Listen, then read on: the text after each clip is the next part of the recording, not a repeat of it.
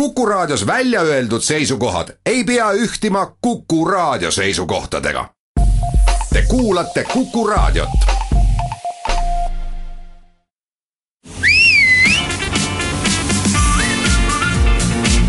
kuku taksojutud. taksojutud sõidutab teieni Škoda Tallinn tere, täna sõidutame muuseumidirektorit, suusakoondise peatreenerit, giidi ja kohtutäiturit.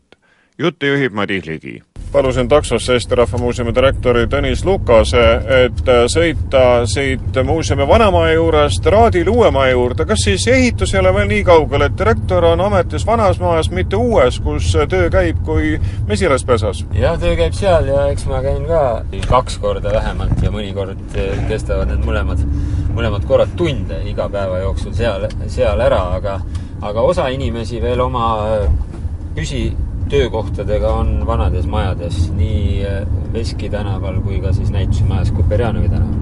kas see kuu aja pärast, kui jõuab kätte muuseumi avamise päev, lähete siis piduliku rongkäiguga või vankriga, sõidate Raadile uude kohta, aga vanad ametid? seda päris ei ole. muide, vanad ametid ka ei pruugi olla, sest äh, direktor lisaks, ei ole enam direktor? see võib-olla isegi on endine, aga lisaks asukohale muutus äh, Eesti Rahva Muuseumil ka roll ja, ja organisatsioon, et me oleme päris suured muudatused teinud äh, ka oma organisatsiooni juhtimismudelis.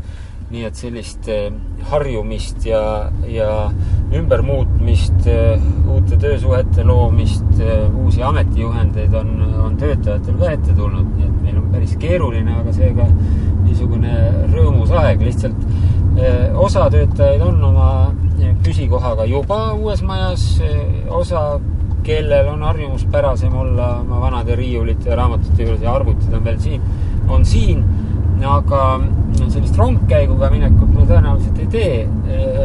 samas mingil ajal, kui siis töökohad on juba statsionaarselt kõigil arvutid kabinettides ja igal pool mööblid sees, siis, siis niisuguse noh, pidulikuma üldkoosoleku, et markeerida, et enamus töötajatest on juba uues majas, siis teeme septembris kunagi.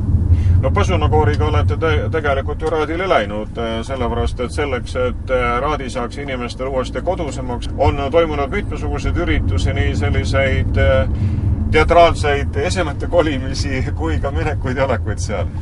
jah, me nurgakivi panekul läksime koos umbes kahe tuhande inimesega puhkpilliorkestri mürtsudes ja ja kohapeal oli isegi Metsatõllu kontsert ja meeleolukas. muide, uue maja arhitektid, rahvusvaheline seltskond, baas on neil Pariisis, aga muidu nad on Dan Torell Itaaliast, Liina Kotsmet Liibanonist ja Tsuyoshi Tane on, on Jaapanist olid väga üllatunud, et üks rahvas võtab oma Rahvusmuuseumi asja nii, nii tõsiselt, et, et sellised rongkäigud ja, ja lipud lehvivad ja puhkpill mängib.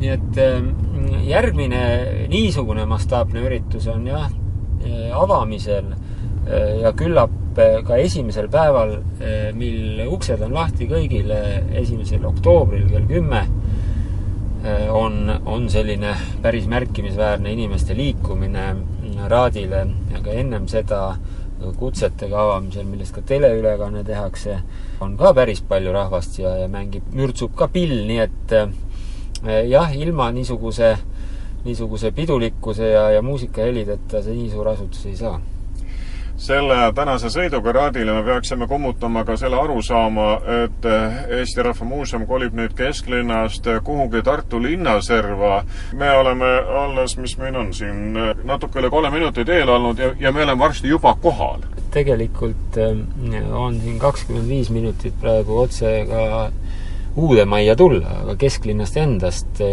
või tähendab uuest majast vanasse majja tulla, aga kesklinnast endast see kaks kilomeetrit Raekojast, see on võimalik ju rahulikult ära käia paarikümne, kahekümne minutiga, päris rahulikult.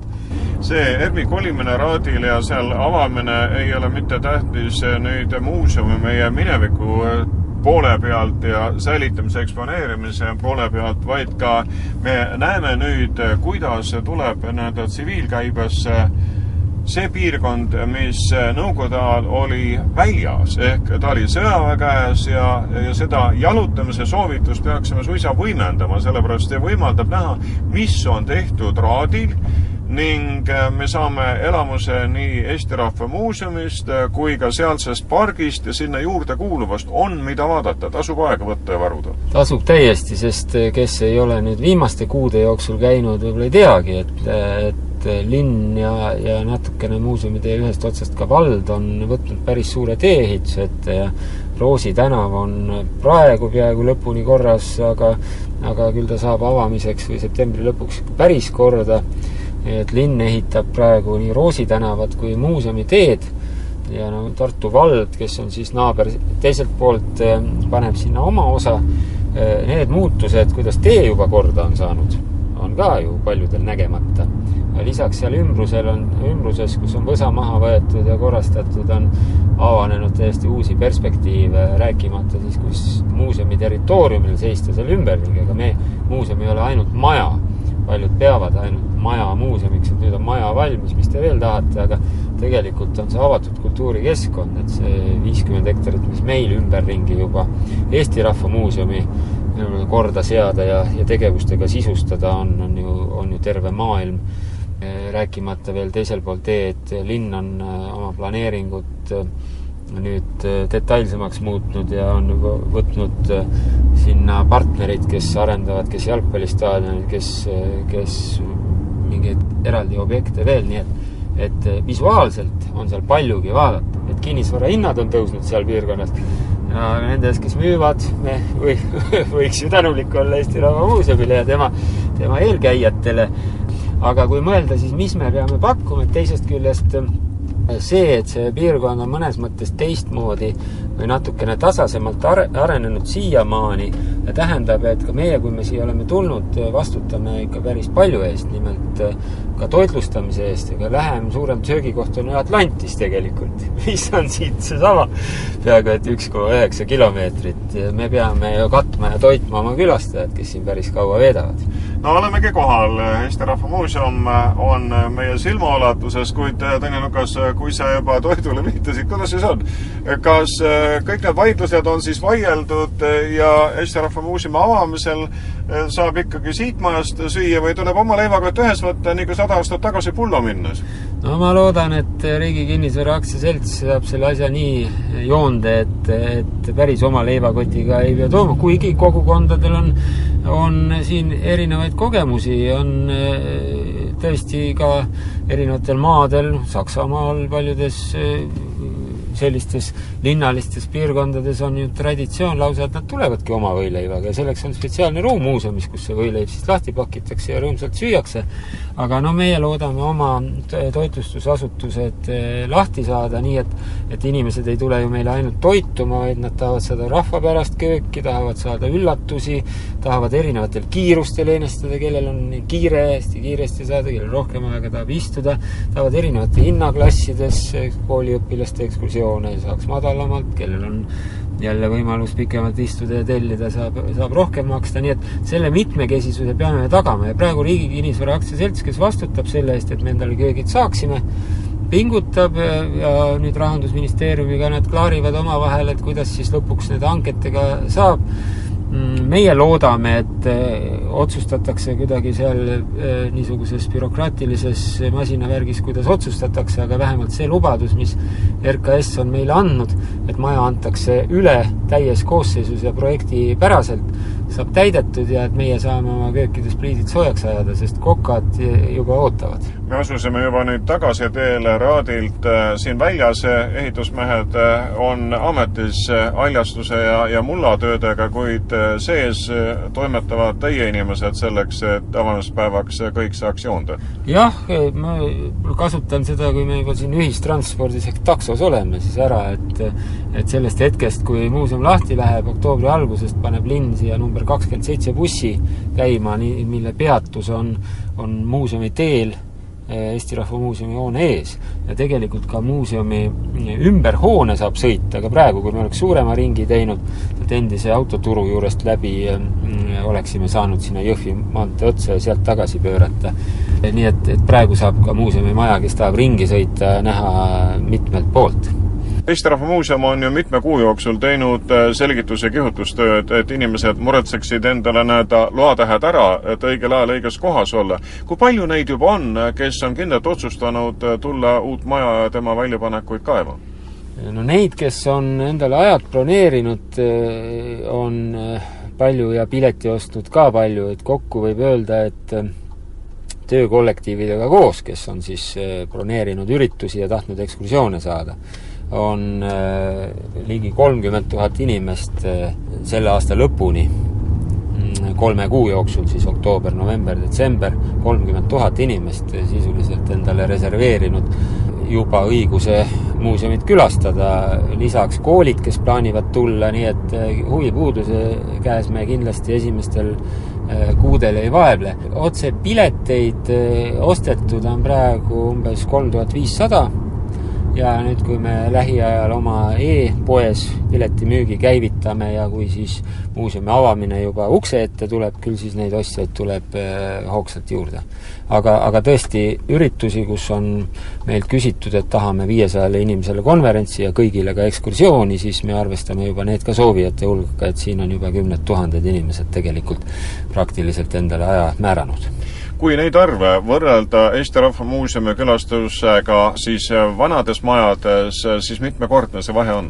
meie kavatsustes on see vahe, piletiostude vahe on seal kuskil neljakordne, aga kuidas see hakkab kujunema ja millistel perioodidel, selle kogemuse võrra me saame rikkamaks ikkagi siis, kui see kogemus käes on, et ega ega neid võib ka rohkem olla kui neli korda, neli korda rohkem tegelikult, aga me ei taha väga suuri plaane teha, et siis pärast hõikad maha ja ja siis, kui plaan ei tule täis, aga alguses on see huvi tõesti suur ja, ja lisaks sellele, et inimesed tulevad peredega ja, ja üksi, on jah, reserveeritud siin praegu aasta lõpuni, kolme kuu jooksul, oktoobri algusest on, on, oli eelmisel nädalal üle saja juba päeva kinni, siis praktiliselt ongi, noh, ütleme sada päeva ju tegelikult ongi.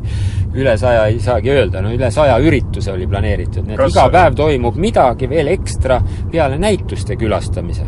kas äh, ka jõulukontserdid äh, ja jõuluõhtud on juba ja, selles nimekirjas ja asutuste jõulupeod, äh, paljud konverentsid, nendest ka rahvusvahelisi igasuguste seltside ja ühingute koosviibimisi ja meilt on päris palju küsitud ja kõik nad soovivad ka äh, meie huvitavat menüüd äh, näha, nii et, et ka toitlustus tehakse seal kohapeal, nii et tegemist on pikaajalisemate üritustega, mitte lihtsalt suts-suts läbi. Ja, ja tegelikult peabki soovitama, et, et see ei ole selles mõttes tava, tavamuuseum e-, Eesti tähenduses, et Äh, mis ka Eesti Rahva Muuseum seni oli, et äh, tunnikesega jõuab palju. et tegelikult, kui äh, tahta ikkagi saada kogu haaret, võiks, kui vähegi aega on, vabalt käia pool, pool päeva planeerida, et näha kõik näitused ära ja võib-olla siis lõõgastuda ja vaadata ümbruses ja käia poes ja, ja mida veel pakume. aga need, kes tulevad turismigrupiga, muidugi eks nendel ole piits peal, sest muud on ka Tartus vaadata, ega Eesti Rahva Muuseum ei pea ainus olema. kui neid pikemaid broneeringuid vaadata, siis eh, mis aastasse nad ulatuvad? kaks tuhat kakskümmend on äh, mitu broneeringut, äh, seda ma tean, rahvusvahelisi asju planeeritakse ette, nii et kaks tuhat kaheksateist, kaks tuhat üheksateist on ka juba, juba hulga asju kaks tuhat kaheksateist sellele lisandus nüüd kaks tuhat seitseteist, seal plaanid pole selged ju, Eesti eesistumine Euroopa Liidus pakub meile oma niisugust päris tõsist diplomaatilist rolli ka, nii et, et see see elu, mis muuseumis lahti läheb, on ikkagi meile seni tundmata ja, ja põnev taksojuhid lasevad kohe Tõnis Lukase uuesti oma vanasse töökabinetti siin Veski tänaval ning äh, aitäh nende mõtete eest ning kallid kuulajad, teil pole muud kui tutvuge ka Eesti Rahva Muuseumi kodulehel olevate andmetega, et siis sammud seada Raadile Eesti Rahva Muuseumisse, kui juba oktoober kätte jõuab, kui on pasunad puhutud ja avamised avatud. jah, tere tulemast kõigile! Kuku taksojutud. taksojutud sõidutab teieni Škoda Tallinn juulist peale on meie suusakoondise peatreeneriks Jaanus Teppan, kes on meie järgmine sõidupartner. kui tavaliselt öeldakse suve kohta, et kuus kuud santi suusailma. no sinul on nüüd siis uues ametis kaks kuud santi suusailma läinud, kuidas? niimoodi lainetena üles-alla ja, ja asjade kurssi viimisega ja, ja mõtetega, mis edasi saab. Koondis on paigas, harjutate praegu Eestis? koondis on niimoodi, et eh, koondist mul otseselt nagu ei olegi, sest eh, meil on distantsimehed treenivad Tiim Haanja juures ja sprinteritest on siis eh, see kontingent on Kristof Schmid, käib Eestis harjutamas ja mina olen praegu selline koordineeriv üksus, et et koostan statuute ja vaatan talve peale, kus koondis võiks esineda ja, ja kuidas Eesti meistrivõistlused ja kuidas see kalender üles ehitada iseenesest on äh, sulle kui vanale suusatajale nüüd äh, koondise etteotsa asumine ju ühtaegu kõva väljakutse, kuid teistaegu ka äärmiselt raske ülesanne, sellepärast et äh, hiilgajad on kadunud ning rahva suhtumine suusatamisse on teistsugune, sest lootused on vahepeal kustunud. kuidas nüüd see ettevalmistuses on kajastunud ja seda mõjutanud? no ettevalmistus käib ikkagi selles mõttes nagu vanamoodi, et kõik sportlased, kes vähe, kellel vähegi motivatsiooni, need ikkagi harjutavad. nüüd on lihtsalt küsimus, et äh, kas peaks midagi tegema teistmoodi, äh, nüüd treeningmetoodikas, eks me saame vastused talvel lahti MM-il, me oleme natukese ümber kohandanud seda võistlustele pääsu, statuudid et ma usun, et mingil määral muudab ka see sellist ettevalmistuse kulgu.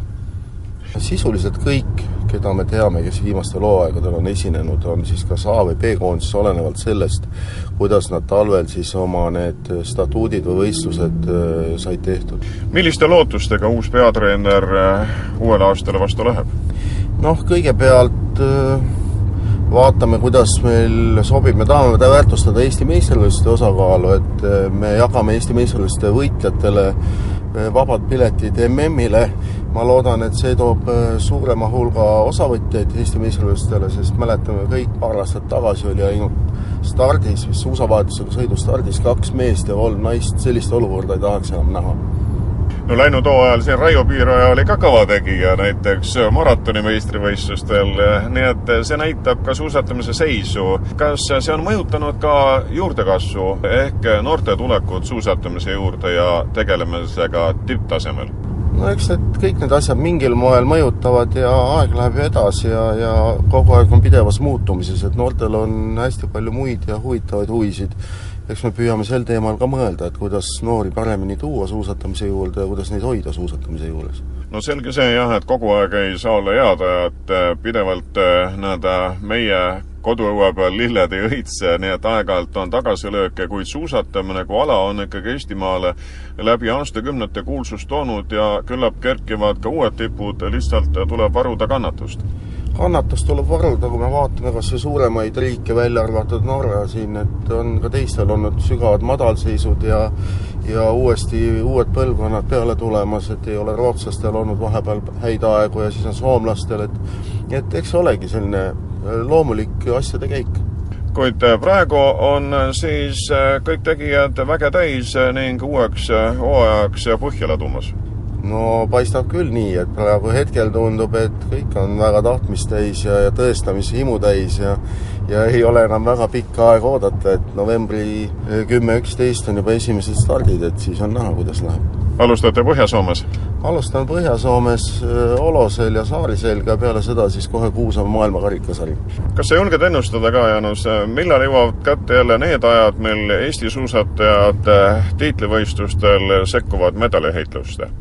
Ma ei tahaks ennustada, aga ma väga loodan, et, et see võiks juhtuda lähima kuue aasta jooksul. ning äh, nende seas on ka neid kasvandikke, keda sa noori juhendades äh, siis oled nende esimestele radadele saatnud ja nüüd juba murdmaakoondise eesotsas olles lihtsalt jätkad seda rida? ma arvan, et see kõik on nende endi kätes. et äh, treener on ikkagi selle juures abimees ja, ja juhendaja, et ikka enamus tööd teeb ära sportlane. Kui praegu olete Eestimaal, kus on siis esimene lumelaager? uuel peatreeneril? no esimene lumelaager on küll saari seljas, aga esimene mäestikulaager on meil tulemas septembrikuus Bulgaarias Belmekenis, kus me saame anda siis võimalust nii noorsportlastele kui vanematele osaleda ka võistlustel, et nad saaksid kogemusi just keskmäestiku tingimustes võistlemisel ja ettevalmistusel Janno Steppan, viimasel ajal seoses spordiga on väga palju juttu olnud ka dopingust mida nüüd räägitakse nendes ringkondades, kus sina liigud, kas on vaja võidelda või tuleks lasta suisa vabaks? no ütlen nii, et nii sellist otsest ringkonnasisest mingit võit, suhtlemist sel teemal, et kuna see on nii palju see kajastus, ütleme, suviste olümpiamängude, et et see teema on olnud, aga ma arvan, isiklikult minu arvamus, et sellega tuleb võidelda et on võimalik teha sporti puhtalt ja, ja eeskujusid on vaja. kuku taksojutud. taksojutud sõidutab teieni Škoda Tallinn järgmine osutletav on Enrico Talvistu, kellega saame rääkida käimisest, olemisest ja peo panemisest, sellepärast et tema on mees, kes käib turistidega Tartu peal ringi, Euroopas ringi ja kuna ülikoolis on avaaktus olnud, tudengid on Tartust tagasi, siis lähevad ka peod käima, sealhulgas ka avalikus ruumis ning ka Pirogovi platsil. kõigepealt aga, Enrico, kui tulevad inimesed Tartusse ja sina oled nende giid, kus sa nendega ringi käid? no ripub ära sellest, mis huvidega nad on ja kui palju neil aega on. ja kui nad on spetsiifiliste huvidega ikka ajaloo ja arhitektuuri vastu, loomulikult ma käin kesklinnas, aga on ka neid või vanalinnas, aga, ja Toomemäel loomulikult, aga on ka neid olnud, kellele tuleb näidata spetsiifiliselt, vot näete, neid arhitektuuriteoseid seal äärelinnas või neid ehitisi kusagil mujal nii et noh, praegu näiteks lisandub uus Rahvamuuseum kohe juurde, eks, võiks ju tututut, mida nüüd vaadata. loomulikult tuleb vaadata, näidata, iseasi, et kas nad võtavad seda vastu või mitte, aga see on põnev. kui ettevalmistunud äh, need inimesed on, kes Tartut äh, sel suvel on külastanud? no ei ole ikka enamasti, äh, nii et neile on see uudis ja Tartu linn oma noh, üsna niisuguse mitmepalgelise struktuuriga, kus võib leida, leida ju puitagulit, nagu supilinn või Karlova, mis on täiesti rabavad mõnedele, sest paljud ikkagi Euroopas teavad ju ainult kivist linnu. ja võib leida ka niisugust ilust, ilusat klassitsismi, nii et, et ettevalmistus on ikkagi üsna nullikohane, loodan, et nüüd uus avatav linna kodulehekülg, mis oli juba üsna vanukene ja, ja, ja väsinud, et see pakub ka võimalikult palju niisugust pildilist eeltutvustusmaterjali, et inimesi teavitada, enne kui nad siia tulevad. kas need inimesed on tulnud Tartusse, Eestisse või on nad võtnud kaugemalt tulijad kohe Skandinaavia tuuri ette ja Tartu on üks osa sellest? nii ja naa, aga, aga põhiliselt ikkagi on näha, et see tuur on niisugune Peterburi, Riia, Vilnius et mitte nüüd niivõrd Skandinaavia, Rootsi jääb noh, ikka, mis jääb teisele poole vett, jääb teisele poole vett. et, et kui nad tulevad ja, ja noh, klassikaline on ikka see, midagi ei ole parata, to make charter in two hours. noh, lihtsalt on niimoodi, et see on üks vahepeatus, aga mis ei tähenda seda, et siin ei oleks ka neid, kes peatuvad Tartus või selle lähikonnas, nii et on mõtmeid üks Leedu turismifirma on Tartusse viimastel aastatel toonud hoolega jaapanlasi, näiteks üks ülikoolina toidukoht ütleb, et kusagil kaks pool, kolm tuhat jaapanlast toitlustab, et nad on kuidagi selle paiga eriti üles leidnud. kas sinul on ka jaapanlastega kontakte olnud? ei, ei ole, aga olen neid linna peal näinud ja, ja mõnda aidanud teinekord, et vot vaadake nüüd seda ja, ja ikka, ega sa ei saa ju mööda minna, kui sa näed äh, väliskülalist, kes mingil määral on hädas plaaniga või, või, või mingil muul moel, siis sa lisad mõne mõned kommentaarid omalt poolt juurde, et vot vaadake nüüd, see on põnev ja see on põnev, arvestades veel seda, et Aasia kultuurist tulnul võivad olla ju teistsugused kogemused ja teadmised Euroopa kultuuriga võrrelda. me oleme praegu jõudnud Tähtvere pargiserva ja keerame kohe siit alla paremale laululava juurde. kas laululava on ka sinu kui giidi marsruudis? on ikka, olen näidanud, sellepärast et pean seda Jüri Siimu ja Roman Šmuškini lahendust sellise staadioniringiga üheks õnnestunumatest vabaõhulavadest. hiljuti käisin vaatamas just Sopoti kuulsat vabaõhulava, mis meile peaks tuttav olema. ja see on kahju, et praeguses nüüd linna aruteludes teemal, kas uus linnahall või mitte, et lauluvälja, lauluväljak või laululava, eks ju, see on niivõrd vähe ikkagi suvel kasutamist leiab. et ta on ju üsna kallis rajatis ja tema ülalpidamine on kallis ja ta võiks olla suvel rohkem kasutatud, et sellele võiks nagu olla rohkem tähelepanu pööratud, aga on tühi paljudel hetkedel aga muuseas, ma käisin äh, sellel äh, tasuvusanalüüsi esitlusel, mis äh, nädal tagasi Raekojas oli. Ja seal toodi laululava, see viimane firma, kes selle tegi, tõi just laululava eeskujuks ja ütles, et laululava võiks olla nagu katsejäänes, et kui Tartusse, juhul kui Tartusse üldse teha seda Arena Tartut ehk siis halli, kus oleks mitu tuhat istekohta, et siis siin laululava meeskond võiks siis nii-öelda kätt harjutada ja siis vaadata, et kas veab nii palju üritusi, suurüritusi Tartusse, et see asi ennast majanduslikult äh, mäele tõmbaks või mitte, sellepärast et äh, kui meenutada Linnatulis eetris olnud intervjuusid, siis viis korda peaks meie suurürituste ehk siis selliste ürituste, mis toovad kokku enam kui kaks tuhat inimest, äh, arv kasvama. see on ikkagi tõsine väljakutse. jah, no laululava on ju kümne tuhandele peale ette nähtud ja mäletame oh, see oli vist üks nüüd ligi kakskümmend aastat tagasi, kui siin oli toonase menubändi Gypsy Kingsi kontsert, mis tulid Tallinnast igalt poolt ja ja see oli meeletu autouputus, mis siin oli ja see, see nii-öelda saal ehk äh, vaatajaruum oli pungil täis. Ja eks seda on ka laulupidude puhul, nii et äh, võiks võib-olla mõelda ka sellele, et, et äkki õnnestuks laululavale mingi niisugune uuenduskuur teha, äh, noh, kas või selle mm, esise platsi osas võib-olla näiteks korvpallivõistlused. Igasugu asju on võimalik teha, kui aga on tegijaid ja korraldajaid ja ka publikut, kuid kui Arena teema lõpetada, siis ütlevad need analüüsijad seda, et selline paik peaks olema vähemalt kahesajal päeval aastas välja üüritud, siis ta tuleks omadega ka majanduslikult toime. kuid jätame praegu selle, Enrico, lähme nüüd Euroopasse, kus sa rahvaga käid. kus sa sel suvel oled käinud? enam nii palju ei käi kui varem, vanus juba selline, et, et olin siin kipud puhkama rohkem eks pakkumisi on ka teisi. ja, ja olen siin käinud eh, Belgias eh, marsruudil, mille ma olen ise välja töötanud ja, ja siin käisin arhitektidega Lõuna-Taanis ja Põhja-Saksamaal ja nüüd hiljuti käisin raamatupidajatega, omavalitsuse raamatupidajatega üle Eesti Poolas, just nüüd Põhja-Poolas, Preisimaal.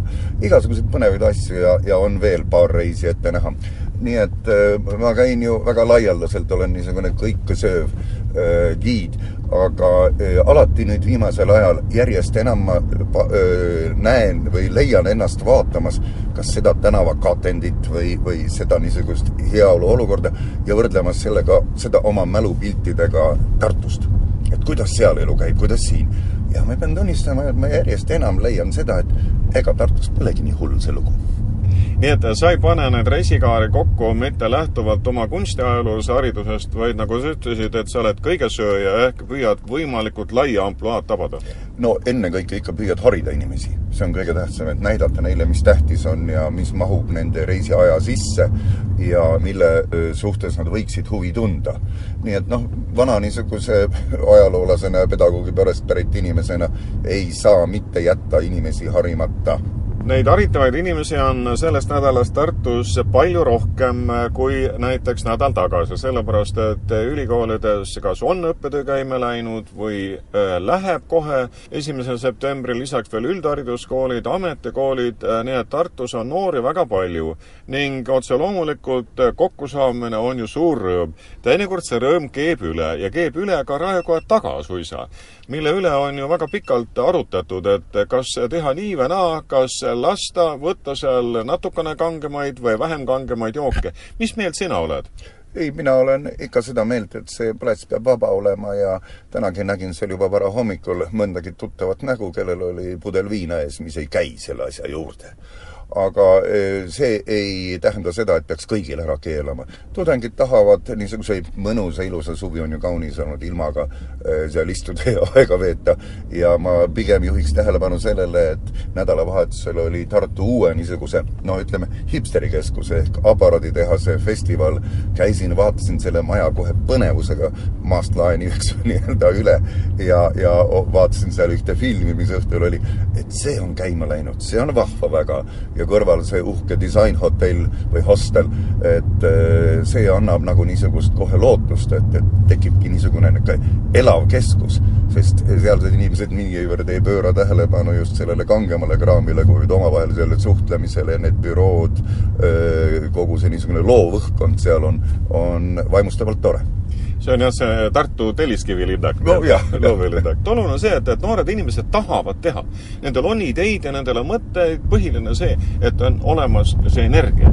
jah, täiesti ja, ja see on Tartus ju läbi aegade tuntud fenomen, kuidas niisugused noh, tänapäeval enam ei ole nii unine ja tolmune suvine aeg, nagu oli varem. aga, aga see niisugune efekt, mis tuleb äh, sügisel augusti lõpus linna sisse, see efekt on äh, noh, silmanähtav. minule, vanale inimesele vaatad, et kaunid noored inimesed, kenad tüdrukud tulevad ja nii edasi. see on niisugune tudengite tulek. seda tuleb jalutada lihtsalt linnas ja vaadata ja nautida, et kõike tuleb linna sisse. oluline on äh, tunda ennast noorena noorte seas. täiesti, täiesti, täiesti ja, ja ikka see, et, et kui vähegi võimalik on, siis utsitada neid tagant, et, et õppige, tehke tehke veel ja, ja looge veel. kuku taksojutud. taksojutud sõidutab teieni Škoda Tallinn palusime takso peale oma õue mehe, sellepärast et Kuku raadio kohtutäiturid on Õpetaja tänaval ühes hoovis ning Aleksei Rjatin on mees, kellel just täna, mil on meie Tartu taksojuttude päev, on autoteeninduses. nii et kohtutäitur on suvel siis hoolega ringi varutanud ja kilomeetrid kogunud, et nüüd oli vaja teenindust teha no eks kolme aastaga tuleb sada tuhat kilomeetrit ära tahes-tahtmata. põhisuhtlusvahend ikka, mina soovitan meili teel alati suhelda, sest siis on aega seda meili üle vaadata, lugeda, vastata inimestele. Telefoni teel pahandatakse, et ei saa mind kätte, no ongi raske kätte saada, kui pidevalt kõned tulevad. aga kes on need, kes põhiliselt kohtutäituritele tööd annavad, kellega on kõige rohkem tegemist? valik on väga lai. on sellised, kes unustavad, kellel on vaja sekretäri teenust osutada reeglina need on sellised ühekordsed kliendid, kui nad kohtutäituri tasu on ära maksnud, siis saavad aru, et teinekord tuleb hoolsam olla. palju on segadusi sellistega, kes näiteks maksavad trahvi ära, aga nad ei vaata üldse, et seal on vaja viitenumber panna. ja siis ei lähe arvesse? no äkki on kunagi mingi asja saanud, on mällu jäänud, sinna saadavad jumal teab kuhu selle. aga see tagastamise aeg on ju nii pikk, et enne saadetakse täitmisele enne kui riigisüsteemist see raha tagastatakse, tundmatu kanne. et siis ongi juba täituri käes, nii et alati tuleb üle vaadata need viitenumbrid, mis on iga otsuse peal alati olemas kui ma eeldan, et kõige korralikumad on need parkimistrahvide maksjad, kas see on õige oletus? et neil summad väikesed ja maksab ära kogu lugu? suhteliselt vähe puutun mina nendega kokku. Noh, hoiatustrahvid, mis kiiruskaamera trahvid, need üsna, üsna ruttu makstakse ära ikka, sest nad on ikka nii väiksed kuhugi nad kirja ei lähe ka, eks meil on ju, läbilõige on äh, väga lai, noh, ütleme, et laias laastus viiskümmend protsenti saame kätte nõuetest, mis tulevad täitmisele. sest väga palju on ikka selliseid, kes on, kes on vanad tuttavad, ütleme niiviisi. Tuleb juba laua peale, näed juba, ahaa, jälle sina. võlgnik täiturit valida ei saa. süsteem on nii üles ehitatud, et sissenõudja ja riik jagab siis eh, koja kaudu oma nõudeid no. no kaheksakümmend protsenti ongi ju tegelikkuses riigi nõuded. aga kui vaadata nüüd sellist nii-öelda keskmist menetlusaega, siis eh, kui kaua nii-öelda stardist finišini aega võtab? oi, see on väga erinev. kõige pikem eh, oli mul üks väljatõstmine, mille esimene otsus tehti tuhande üheksasaja üheksakümne kaheksandal aastal ja kaks tuhat kaheksa sain ma siis lõplikult välja tõsta aga noh, siin aegumist ei ole, nii et kui asi on ette võetud, siis kohtutäitur peab ajama nii kaua, kui annab ajada. sellega aegumist ei ole ja väljatõstmisel otsa. aga mida te nendega teete siis, kellel lähevad need otsad vette, kes on välismaal või suisa näiteks välismaalased, kas nendega tuleb ka kohtutäituritel tegel täiendada? no tuleb ikka ette jah, ega noh, paljud kaovadki ära, siin on Soome tudengid ju nüüd praegu on tavaline, käivad Eestis õppimas, saavad oma trahvikesed kätte, kaovad vits vette ja kadud. Eestis tal arveid midagi ei ole, Soome meie käed ei ulatu. et sissenõudja peab siis pöörduma juba Soome täiturite poole üks mu sõber, kes Austraalias äh, vajutas liiga tugevasti gaasi, siis ta sai mõni aeg hiljem sealt teate, et härra on punktist A punktisse B liikudes ilmselt ületanud kiirust, sest ta ei oleks muidu sellise ajaga sinna jõudnud. siis, kui ta konsulteeris ühe asjatundjaga, siis ta ütles, et kui sa nüüd aasta otsa jook-, aasta jooksul ei lähe Austraaliasse, siis vaata läbi sõrmede sellele paberile. kuidas meil on? ehk mis ajaga kohtutäituri jaoks materjalid aegub, ta tõstab käed ja lükkab sahtlisse, võtab järgmise? ei no seal on kaks erinevat aega, üks on nüüd äh, täitmisele pööramise aeg ja teine on nüüd, äh, kui on täitetoimik avatud, siis aegumise aeg. Need on ka väga erinevad seaduses, noh. nüüd tsiviilnõuetel lühendati seda, see on siis kümme aastat, varem oli kolmkümmend aga trahvidel on seal olenevalt kolm, neli, viis, seitse, noh, krimmtrahvidel seitse aastat, nii et noh, erinevad ajad.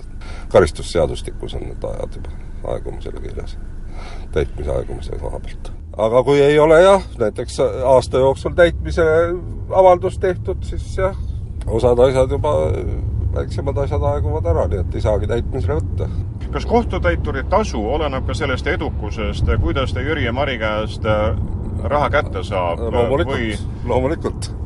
otsesest sõltuvusest? otsesest sõltuvusest, sest äh, näiteks ütleme, et kui ma saan nüüd sada eurot sisse nõutud, siis äh, koos käibemaksuga kuskil kümme eurot jääb mulle, noh, büroole see ei ole täituritasu, ma kordan, et kui sealt lõpuks minu taskuni võib-olla viis protsenti jõuab, siis on hästi saadud sest noh, büroo on vaja üleval pidada, töötajad tahavad iga kord palka, iga kuu palka saada.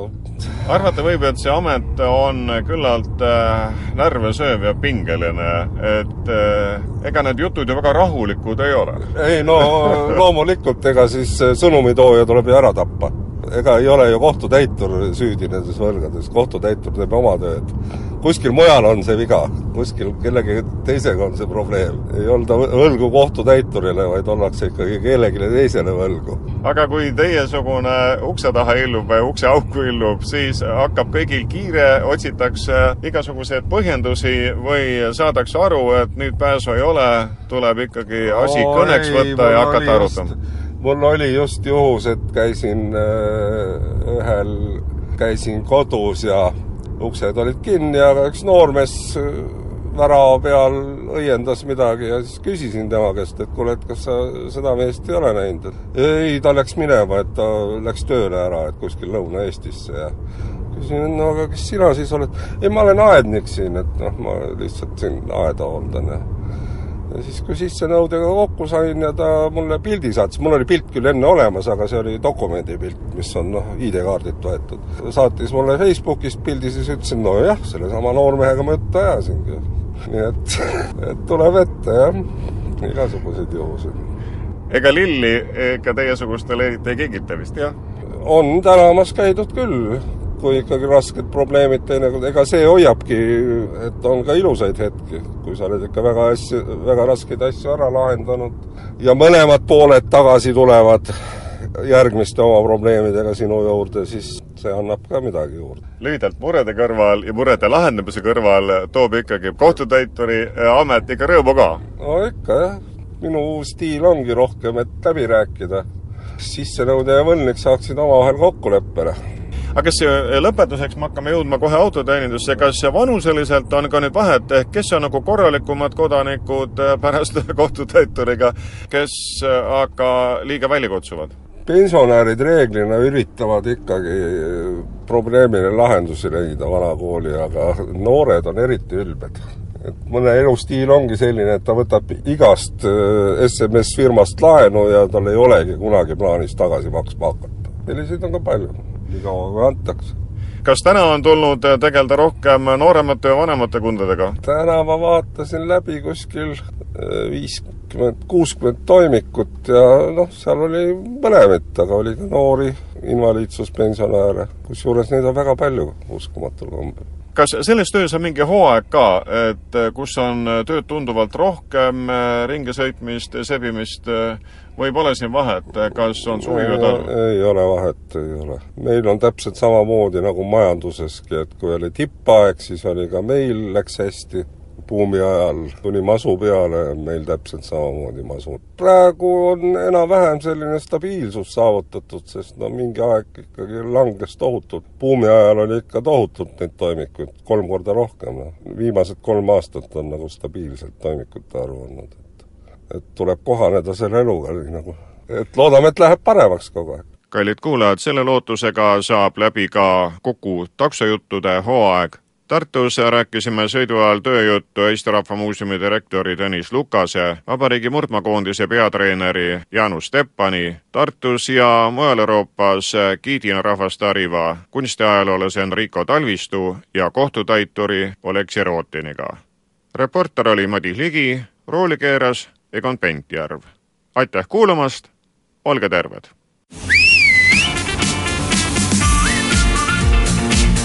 Kuku taksojutud. taksojutud sõidutab teieni Škoda Tallinn